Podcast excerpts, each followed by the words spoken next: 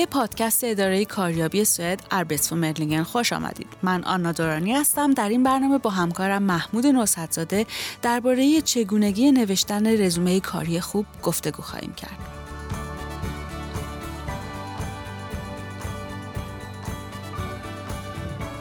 سلام من آنا دورانی هستم کارشناس ارشد اداره کاریابی سوئد. امروز همراه با همکارم محمود نصحتزاده مجری وبینارهای اداره کاریابی درباره چگونگی نوشتن رزومه کاری یا سیوی صحبت خواهیم کرد. اینکه هنگام نوشتن رزومه چه نکاتی رو باید رعایت کنید تا توجه کارفرما رو به خوبی جلب کنید تا شما رو به مصاحبه استخدامی دعوت کنه. سلام محمود خیلی خوش اومدید سلام آنا مرسی. محمود بهتر اول از یک این موضوع رو روشن کنیم. که تفاوت اصلی و عمده بین رزومه کاری و نامه درخواستی چیه؟ بعد در مورد اهمیت یک رزومه خوب صحبت می‌کنیم. بله، بسیار خوب.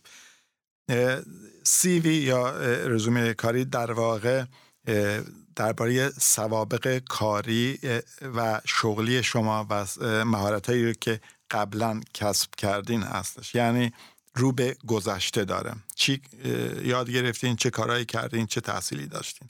ولی نامه درخواست کار در واقع درباره خود شماست. در واقع شما چه کسی هستین و چرا این کار رو تقاضا کردین؟ در اون خصوص در این نامه باید بنویسین. اینو در نظر بگیریم که سیو و نامه درخواست کار با هم در واقع تقاضای شما رو کامل می‌کنن. یعنی تقاضای کاری شما رو. یعنی اینا همدیگر رو در واقع کامل می‌کنن و وقتی که سیوی و نامه درخواست کار رو میفرستیم برای کارفرما کارفرما با دیدن هر روزاشون یک تصویر جامع و کامل از شما به دست میاره و متوجه میشه که شما شخص مناسبی برای این کار هستین یا نه. بسیار عالی. خب پس چند نکته ضروری درباره نحوه تهیه و نگارش سیوی رو یادآوری کنیم بعد به انتخاب تیترها می‌پردازیم. اینکه خیلی مهمه که بدونیم چه مطلبی رو در فرم رزومه بعد گنجونده بشه و رزومه کاری رو با اطلاعات اضافی و کمارزش پر نکنیم.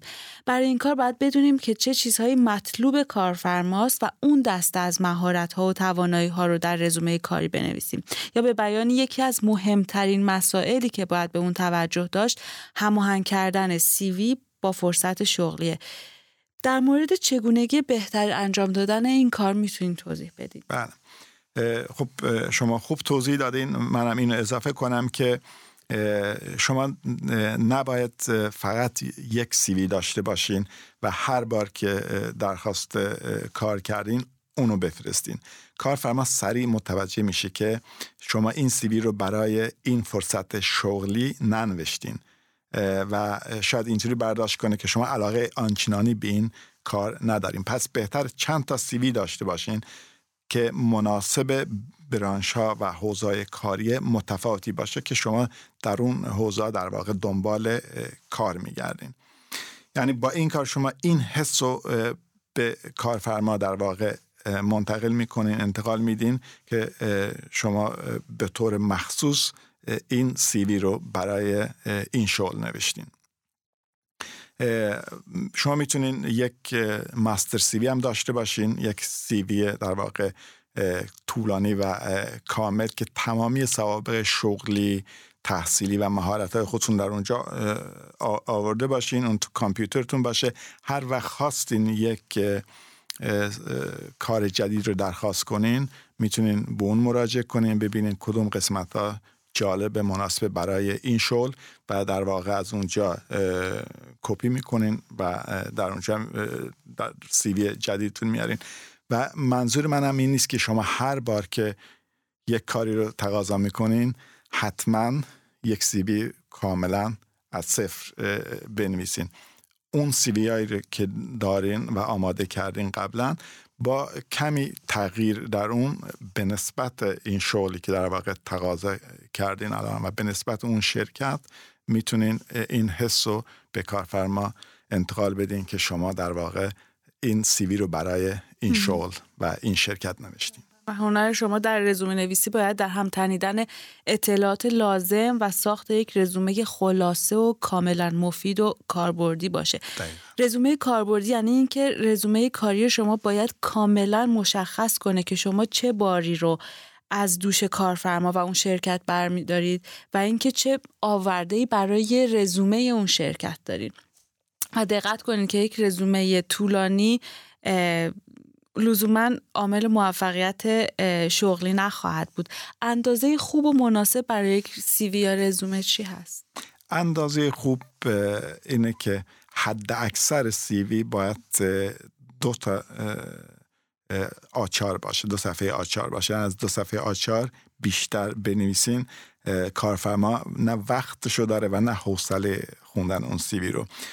و یه خطرم هست یه ریسک است که اگر سیویتون خیلی طولانی باشه سه چهار صفحه چهار باشه اون وقت اون مسائلی که می‌تونه خیلی مهم باشه برای کارفرما گم بشه تون در واقع سیوی طولانی و هیچ کارفرمایی نمیاد با دقت تمامی سیوی رو نمی‌خونه. وقت اونم نداره. حساب فکر کن که یک کارفرما شاید 200 تا سیوی دریافت کرده باشه و برای هر سیوی شاید حد اکثر 20 ثانیه 30 ثانیه می‌ذاره سریع باید نگاه کنه ببینه چیزایی که می‌خواد می‌بینه هست تو اون سیوی که بذاره این طرف که بعدا بیشتر بخونه پس حد اکثر یک دو صفحه آچار برای کسانی که سابقه شغلی و کاری طولانی دارن. و اگر تجربه کاری کمی دارین یک صفحه آ چهار هم کافی است. و اصولا الان دیگه رزومه به صورت دیجیتال فرستاده میشه. چه قالبی برای ذخیره کردن CV همون رزومه است؟ بهترین قالب و مناسب ترین قالب همون قالب PDF است. برای اینکه اگر با یه در قالب دیگه بفرستین و کارفرما یا کسی که اون فایل رو باز می‌کنه. همون program رو در کامپیوترش نداشته باشه می‌تونه کل سیستم design CV شما به هم بخوره. و بالطبع شما نمی‌خواین که کارفرما همچی تصویری از شما داشته باشه. پس اگر در قالب پی ذخیره کنین و بفرستین همونطوری که نوشتین با همون دیزاین کارفرما وقتی که باز می‌کنه سیویتون رو اونطوری می‌بینه و می‌خونه. خب گفتیم که بهتر رزومه تیتر بندی شده باشه. اگه تصور کنیم که رزومه کاری یک پازله یکی از قطعات این پازل سابقه کاره. تیکه های دیگرش می‌تونه تخصص فنی مهارت های اجتماعی سوابق درسی و تحصیلی و از این جمله باشه. اولین تیتر و مهمترینش خلاصه رزومه است. این قسمت در واقع میشه گفت گل رزومه است. یعنی کارسازترین و قیمتی ترین کلمات رزومه رو باید در دو سه جمله در ور رزومه تحت عنوان سمن پروفیل یا خلاصه رزومه نوشت. این بخش هم اصلا شبیه بیوگرافی شبکه های اجتماعی نیست. یعنی اینجا باید یه جور دیگه فکر کرد و یه جور دیگه خودشون رو معرفی کنین. به چه نکاتی باید توجه کرد؟ چی و چه جوری باید نوشت و اصولا چرا اینقدر مهمه؟ برای این مهمه که اگر صاحب کار کارفرما CV نامه شخصی شما یا personligt brev شما رو دریافت نکرده باشه یا نخونده باشه فقط به CV شما نگاه کنه با دیدن و خوندن این بخش در واقع sammanfattning یا خلاصه یه تصویر خوبی می‌تونه از شما به دست بیاره و می‌تونه از همون آغاز متوجه بشه که شما شخص مناسبی هستین. ولی خب همونطوری که شما گفتین باید خیلی خلاصه و دقیق باشه. اگر شما سابقه کاری و تحصیلی مثلا زیادی دارین بهتره که مهمترین تجربیات کاری و تحصیلی خودتون رو برای این شغلی که درخواست کردین در اینجا بنویسین و بگویید که چرا این شغل رو درخواست کردید.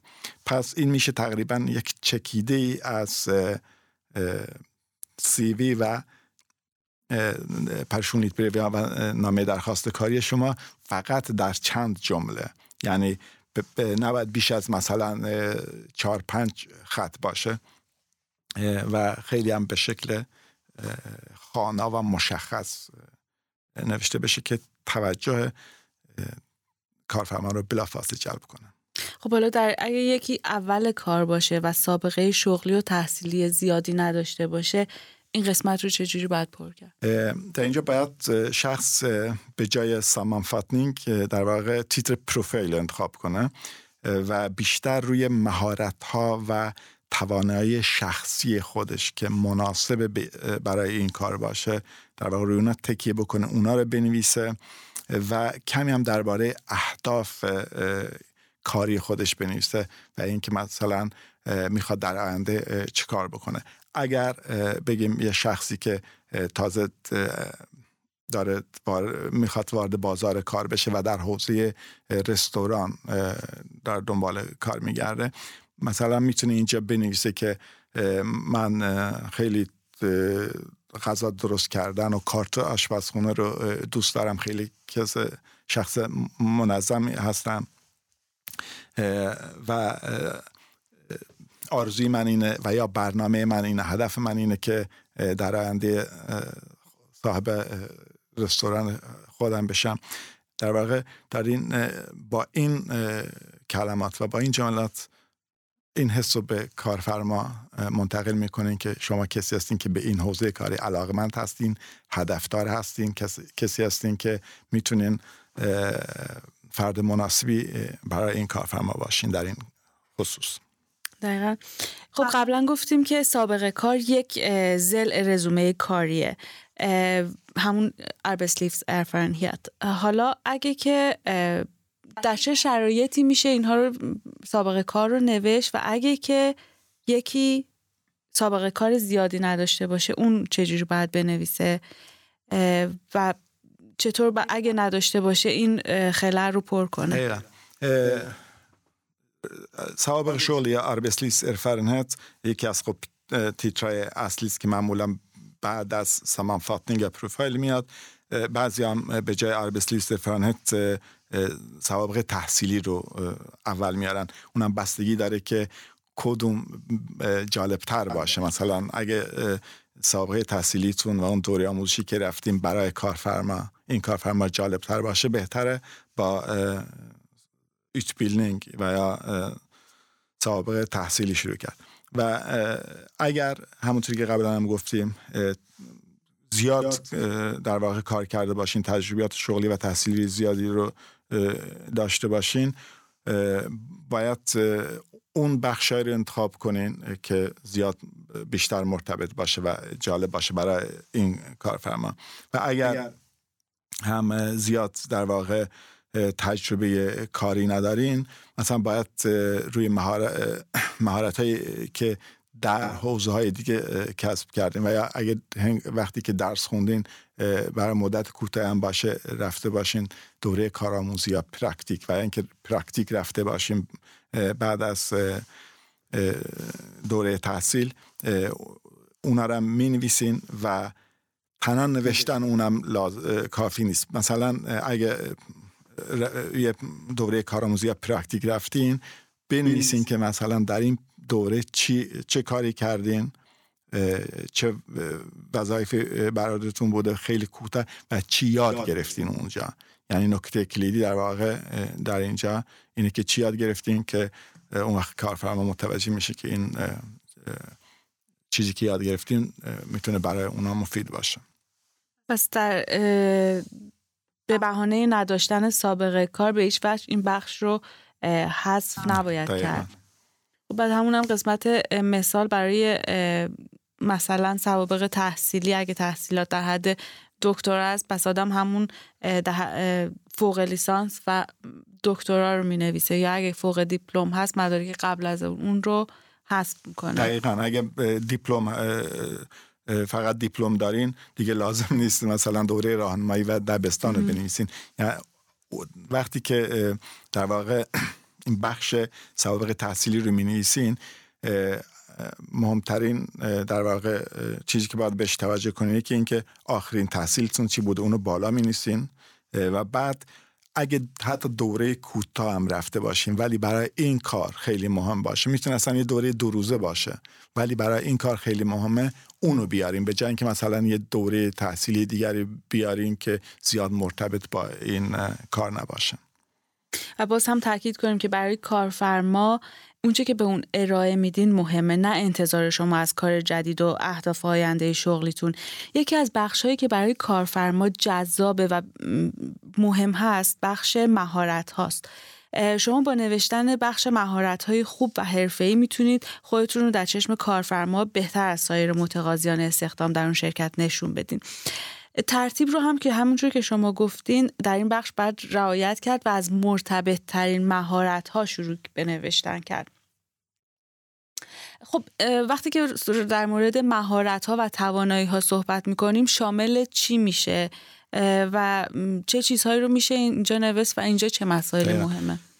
وقتی که راجع به تیترا صحبت کردیم خب گفتیم که سوابق تحصیلی بعد یا سوابق کاری و بعد وارد در واقع این مهارت های دیگه میشیم که می‌تونه خیلی جالب باشه و شاید نوشتنش ضروری باشه برای این کار. یکیش اینه که اگر مثلا شما برنامه مختلف کامپیوتری بلد باشه می‌تونه برنامه های عمومی باشه می‌تونه برنامه های تخصصی باشه. نگاه کنین که اگر در واقع زیاد برنامه بلدین برای این کار کدوم برنامه جالب تره اونا رو می نویسیم به ترتیب اینکه چقدر جالب هستن برای این کارفرما. و بعد چند زبان بلدین اون زبان ها رو هم بنویسیم و این زبان ها در چه حد بلدین فقط در چند کلمه. و اگر فعالیت های اجتماعی یا ورزشی یا هنری داشتین این هم خیلی مهمه که در واقع تو سیوی داشته باشین. مخصوصا اگر سابقه تحصیلی و یا کاری زیادی نداشته باشین. در واقع این بخش خیلی مهم میشه که خیلی مهارت هایی شاید کسب کرده باشین و یا دارین که در اینجا با آوردن در واقع این فعالیت ها در CV تون دارین به کارفرما منتقل می‌کنین. پس توانای برنامه های کامپیوتری زبان و فعالیت های اجتماعی ورزشی و هنری. خب وقتی که در مورد اطلاعات فردی صحبت می‌کنیم یا همون بخش personlig information چقدر باید پرسونلیک باشه؟ به نظر من اصلا لازم نیست زیاد شخصی باشه. یعنی برای کارفرما مهم نیست در اکثر موارد که وضعیت شخصی شما به چه شکلی است. بیشتر می‌خواد بدونه که مثلا شما چه مهارت های فردی و توانایی های فردی دارین که می‌تونه برای این شرکت و این شغل جالب باشه. همونی که در واقع ما بهشون میگیم مهارت های نرم یا mjuka kompetenser مخصوصا برای کسانی که سابقه کاری زیادی ندارن این خیلی مهمه که ببینن چه توانایی ها و مهارت های فردی یا mjuk kompetens دارن که می‌تونن در اینجا بیارن بنویسن. مخصوصا اون مهارت هایی که مرتبط با این و یا برای این شغل بیشتر مناسب باشه اونا رو بنویسن. بسیار در مورد مهارت های نرم صحبت کردین. معمولا مهارت ها به مهارت های سخت و مهارت های نرم تقسیم میشن. میوکه کمپتنسر و هوردا کمپتنسر مهارت های فنی و تخصصی شما در حوزه کاریتون رو مهارت های سخت میگن و در مقابل مهارت های فردی شخصی و مهارت فردی و شخصی رو مهارت های نرم میگن. دقیقا. که در قسمت اطلاعات فردی بیشتر در مورد مهارت های نرم صحبت می‌کنیم. در مورد اطلاعات تماس قبل از اینکه درباره اطلاعات تماس بگم برای اینکه بدونید کدام مهارت های در واقع فردی یا میوک کمپتنس برای این صاحب کار مهمه باید دوباره به چی مراجعه کرد؟ به آگهی کاری. در آگهی کاری معمولا خیلی مشخص نوشته میشه که انتظارات ما از شما چی است که شما در واقع چه مهارت هایی داشته باشین. اون وقت نگاه می‌کنین و متناسب با اون در واقع این بخش رو می نویسین که راجب مهارت هایی نباشه که مثلا مثلا غیر مرتبط باشه. مثلا اگه در اونجا خیلی مشخص نوشته باشه که خیلی مهمه که شما این توانای کار تنها تنهایی رو داشته باشین و شما کلی بیاین درباره مهارت کار جمعیتون بنویسین که غیر مرتبط میشه. پس به آگهی مراجعه کنید دوباره ببینین اونجا چی نوشته و به نسبت اون تنظیم کنید البته بعدم خب باید صادقانه برخورد کنه چون زیادم اقراق کنه و یا اون توانایی رو نداشته باشه حتما زیاد رو تکیه کنه و بنویسه هم خوب نیست. خب توانایی داری نسبت به اون انتظاری که کارفرما داره. آیا تکرار همون کلمه ها مهمه یا اینکه به نحو دیگه آدم باید نشون بده که اون توانایی به نظر من فقط نوشتن این که من این توانایی رو دارم. مثلا من شخص مانعتفی هستم یا من شخص بسیار وقت شناسی هستم یا کافی نیست. اگر بتونید در یک جمله دو جمله بتونید یک در واقع موقعیتی رو بنویسید که در اون مهارت شما به کار اومده باشه. مثلا اگر فعالیت ورزشی داشتین می‌تونیم بگین که مثلا من می‌تونم من یک سازمانده خوبی هستم و معمولا در فعالیت های ورزشی یا در مثلا تیم فوتبالی که بازی می‌کنم من سازمان دهنده در واقع تیم هستم. به این شکل بسیار مشخص تر میشه در واقع منتقل کرد و بیشترم می‌تونه در واقع اعتماد کارفرما رو جلب کنه. خب کمی در مورد رفرنس صحبت کنیم. آیا لازمه که رفرنس ها رو در یه رزومه کاری بنویسی؟ به نظر من بهتره که ننویسیم. به جای بنویسیم که در صورت لزوم می‌تونم رفرنس ها رو معرفی کنم. برای اینکه شاید کارفرما خیلی سریع تصمیمش رو بگیره و با اونا تماس بگیره بدون که شما اطلاع داشته باشین. و اونم خب اصلا شاید اصلا یادشون نیست و دقیقا نمی‌دونه که کارفرما داره راجع به کی صحبت می‌کنه. خب صحنه جالبی نخواهد بود و دقیقا چه کاری؟ دقیقا. برای همین بهتره که ننویسین وقتی که کارفرما این تصمیم گرفت بعدا که با رفرنساتون صحبت کنه اون وقت از شما می‌پرسیم میگه می‌تونین رفرنساتون رو بدین. اون وقتی که شما می‌دونین که کارفرما می‌خواد با اونا صحبت کنه همون لحظه با رفرنساتون تماس می‌گیرین و براشون دوباره توضیح میدین که چه شرکتی هست چه کاری هست که در واقع تقاضا کردین. اون اطلاعات لازم رو بدین و خیلی هم دقت کنین که کسانی رو به نام رفرنس معرفی نکنین که مطمئن نباشین. کسانی هستن که مثلا چیزای خوبی درباره شما مثبت از شما ارائه میدن. دقیقا. یه مسئله خب دیگرم که مهمه مسئله اطلاعات در واقع تماس که شما پرسید من یادم رفت اینو بگم یا در مورد پرشونلی بیشتر پرشونلی که اینفورماخون صحبت کردیم اطلاعات فردی. در این موردم خیلی مهمه که به یه سری مسائل دقت بکنیم. یکی اینکه ایمیل آدرسی که در واقع در اون بخش می نویسین یه ایمیل آدرس رسمی و مناسب باشه. ما تو زندگی شخصیمون شاید ایمیل آدرس های متفاوتی داشته باشیم در روابط دیگری از اون استفاده بکنیم که خوب نیست وقتی که با ادارات دولتی و یا با کارفرما در تماس هستیم از اون استفاده کنیم. پس یه ایمیل آدرس رسمی داشته باشیم با نام نام خانوادگی. مسئله بعدش اینه که لازم نیست الان دیگه آدرس پستی خودمون رو بنویسیم. و به جان بهتره که خب ایمیل آدرس شماره تلفن و اگر حساب لینکدین داشته باشین لینک اون حساب لینکدین خودتون رو در واقع همونجا بنویسین بهتره که اگر لینکدین فعالی داشته باشین active ی داشته باشین که خب کارفرما می‌تونه فقط یک کلیک بزنه بره و لینکدین شما رو ببینه که معمولا ما اطلاعات خیلی بیشتری درباره سابقه کاری شغلی خودمون تو لینکدین داریم که می‌تونه نظر کارفرما رو جلب کنه بله و همینطور که گفتین انواع رزومه داریم که میشه بنا به شرایط و سوابق کاری و تحصیلی انتخاب کرد. یه مقدار در مورد انواع رزومه صحبت کنیم. در درباره سه نوع رزومه صحبت می‌کنم. به طور خیلی خلاصه. اولش رزومه در واقع رایشترین نوع رزومه است که همون که بهش میگن رزومه زمانی برعکس.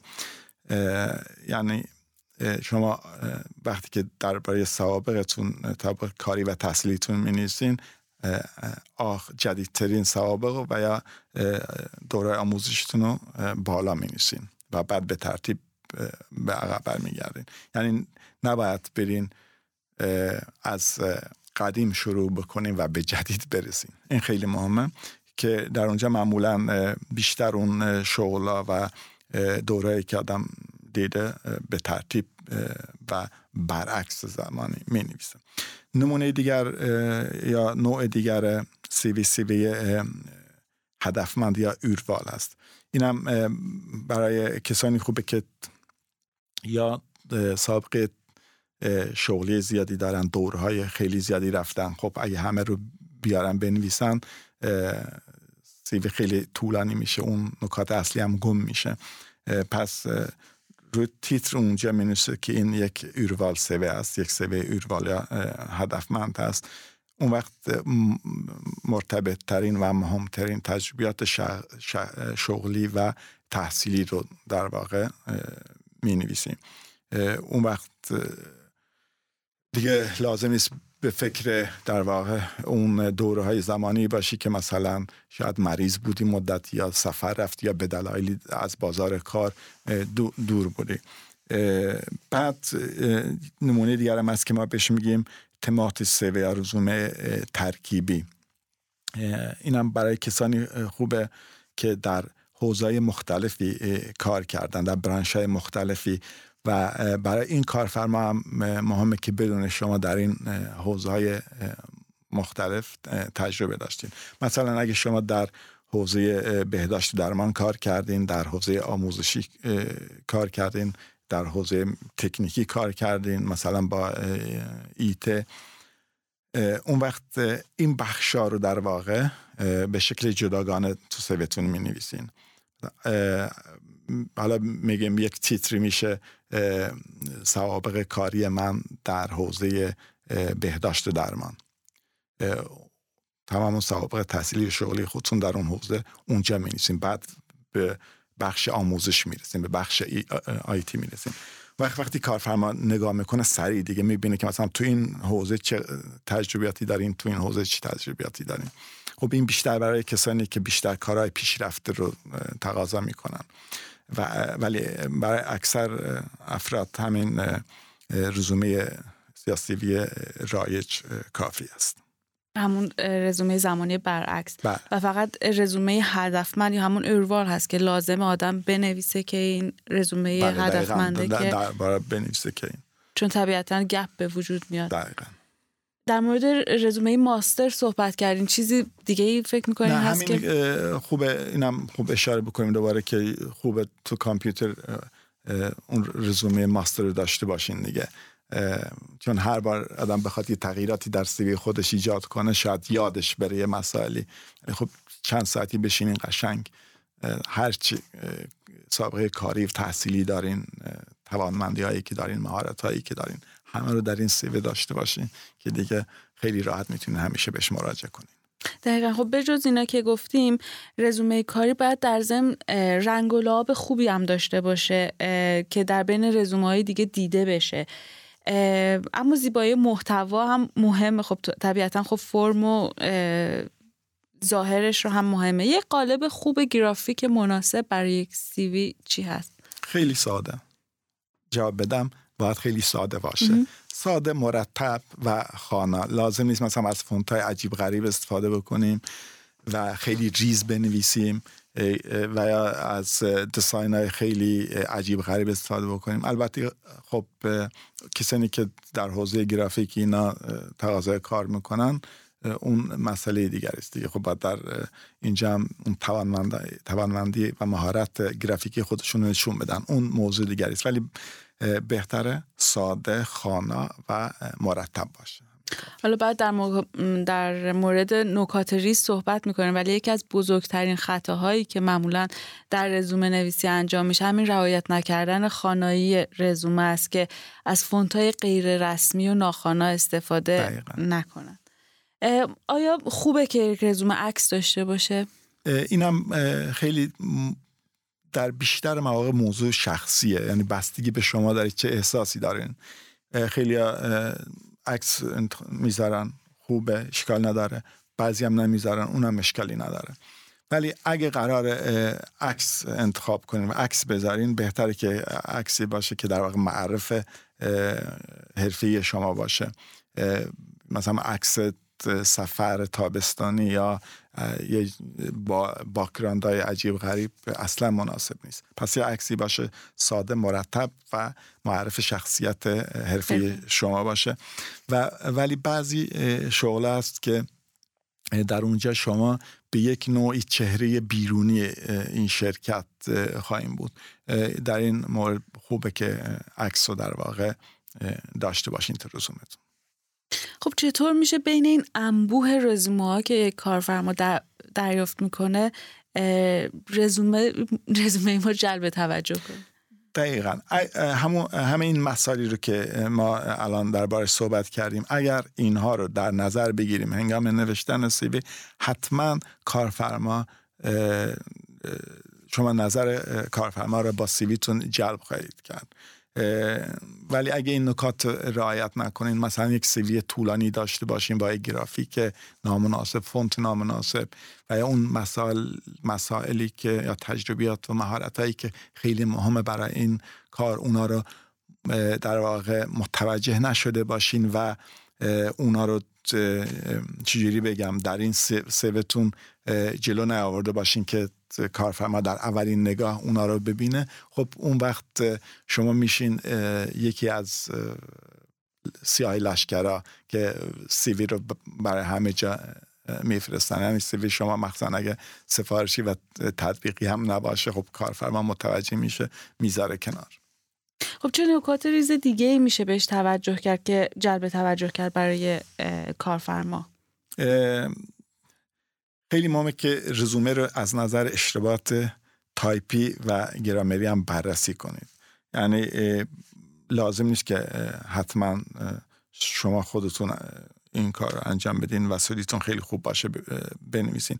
ولی وقتی که نوشتین حتما به کسی که سوئدیش خوبه نشون بدین می‌تونه معلم شما باشه یه همکار شما باشه یا یکی از دوست آشنای شما باشه. بعد خیلی مهمه که در واقع سادگی سادگی فرم و قالب رزومتون رو حفظ کنین در رزومتون روی اون دستاوردهای برجسته و قابل توجه در واقع تاکید کنید. لازم هم نیست که فقط دستاوردهای اخیر باشه. من قبلا هم گفتم که اگر مثلا چندین سال پیش دوره کوتاهی رفتین یا یک کاری داشتین تو مدت کوتاهی که چیزای اونجا یاد گرفتین و یا مسئولیت هایی داشتین که خیلی برای این کار مهمه اونو مثلا حتما طوری بنویسین که کارفرما سریع ببینه و روی اون تاکید کنین. بعد رزومه خودتون رو حتما سفارشی کنید آگه استخدام خوب بخونید مطالعه کنید ببینید که صاحب کار در واقع دنبالش چی هست. و یه مسئله هم خیلی مهمه که سی وی خودتون خیلی زود ارسال کنید. منتظر روز آخر نباشید. در صورت ادارات دولتی موظفن که تا آخرین روز منتظر باشن تا همه سی بی خودشون رو فرستاده باشن. ولی شرکت های خصوصی می‌تونن همون روز اولم بهترین سی بی رو اگه دیدن با طرف تماس بگیرن و اون پروسه رو شروع کنن. و شاید وقتی که شما سیویتون فرستادین پروسه در استخدامی تمام هم شده باشه. این نکته خیلی مهمه که باید بهش توجه کرد. خیلی عالی پس به این چیزهایی که گفتین بهتر یه چکلیست از تمام اطلاعاتی که باید توی رزومه بیاریم داشته باشیم که هیچ بخش و اطلاعات مهمی رو از دست ندیم دقیقا. و یادمون باشه که اصلا برای کسایی که می‌خوان شما رو استخدام کنن یا به شما دستمزد بدن مهم نیست زندگی شخصی شما چطوره. یا شرکت یا سازمان می‌خواد ببینه شما ارزش استخدام شدن رو دارید یا نه. پس طوری در رزومه حرف بزنین که مدیر شرکت قانع بشه که شما نیروی کاری به درد بخوری هستید و می‌تونید یک بار رو از کارهای شرکت رو به دوش بکشید. دقیقا شرکت خب یک مؤسسه خیریه نیست. و بلتپ میگرده دنبال کسی رو پیدا کنه که همونطوری که شما گفتین که بتونه به اون کمک بکنه و در پیشرفت کاری شرکت هم سهیم بشه. مسلما. خیلی ممنون از وقتتون. با موفقیت برای شنوندگان. تا برنامه بعدی. خداحافظ.